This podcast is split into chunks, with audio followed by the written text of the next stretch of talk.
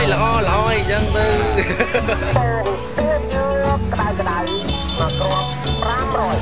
Het is Ochtend in het Avondland. Een podcast van Chris Janssens. Aflevering 16. Reis me achterna. Het tweede seizoen Ochtend in het Avondland werd een tocht langs de sterren en de maan, treinstations, gaybars en corrupte fraudebestrijders. Er kwamen tijgers op mijn pad die veranderden in olifanten en krokodillen die gered moesten worden door de MacGyvers van het bos, waar ik dan weer een mateloze bewondering voor heb.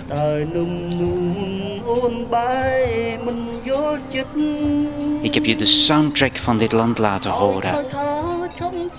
Karaoke, vermengd met monnikengezangen op een ontiegelijk vroeg uur.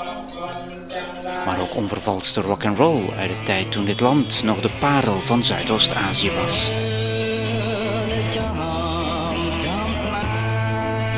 Ik zou je graag nog veel meer willen vertellen. Over vrouwenrechten bijvoorbeeld. Hoe de klassieke patronen in stand gehouden worden. Vrouwen koken, doen de was en zorgen voor de kinderen.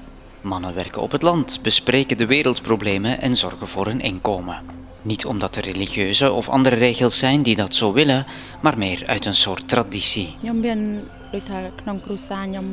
Ik herinner mij mijn allereerste reportage. Die ging over huiselijk geweld. Het vervelende was dat ik nog niks van de taal begreep en de verhalen dus enkel fragmentarisch tot bij mij konden komen via een tolk. Dat was bovendien een student die als twintigjarige geen persoonlijke vragen durfde te stellen aan iemand die ouder is dan hijzelf.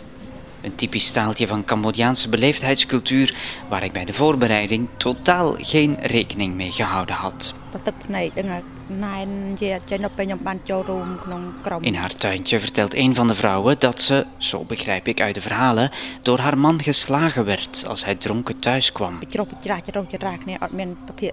Maar in de praatgroep heeft ze geleerd om van zich af te bijten en nu houdt hij zijn handen thuis.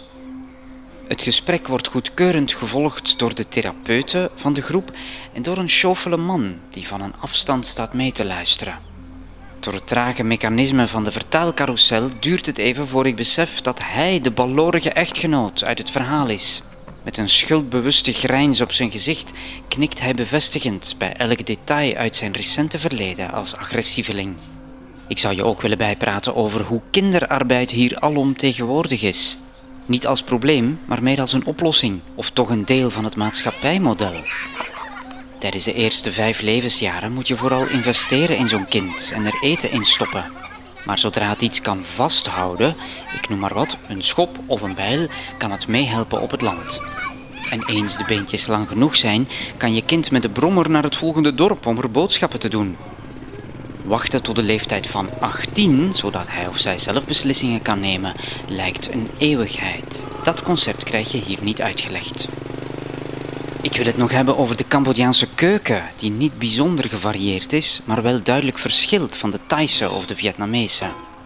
Er zijn de typische eetkraampjes op straat, met hoop schrap, de snelle hap, uitgestalde kant-en-klare gerechten voor minder dan geen geld.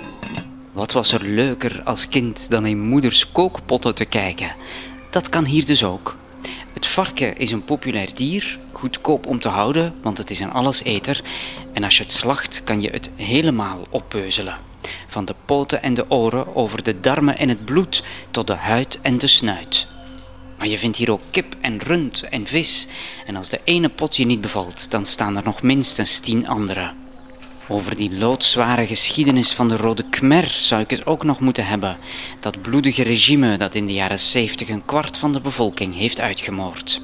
Begonnen als Maoïstische boerenstaat en geëindigd als schrikbewind dat elke vermeende verrader liet liquideren. Hoe deze zachtaardige Cambodjanen elkaar zoveel brutaal geweld hebben kunnen aandoen, is voor mij nog altijd onbegrijpelijk. Het onderwijssysteem lag jarenlang stil. Kunstenaars waren de kop van Jut. De cultuur van een volk weggeknipt om later weer heel voorzichtig te worden hersteld.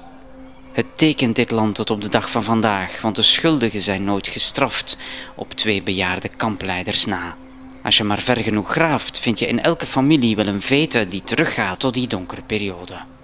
over hoe je overal in de stad elektriciteitspalen ziet met grote warrige knopen van kriskras door elkaar lopende kabels. Het is een treffend symbool van de Cambodjaanse chaos.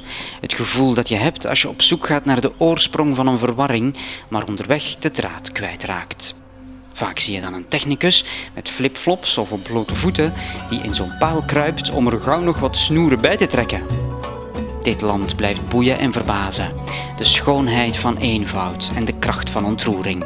Maar ik nodig je graag uit om het zelf te komen ontdekken. Ik leid je met plezier door mijn nieuwe thuisland. Swakom na brehreche na cha Welcome to the kingdom of wonder. Vind je deze podcast leuk? Herbeluister dan de twee reeksen via Spotify en klik op de bel om een bericht te krijgen als het volgende seizoen online komt.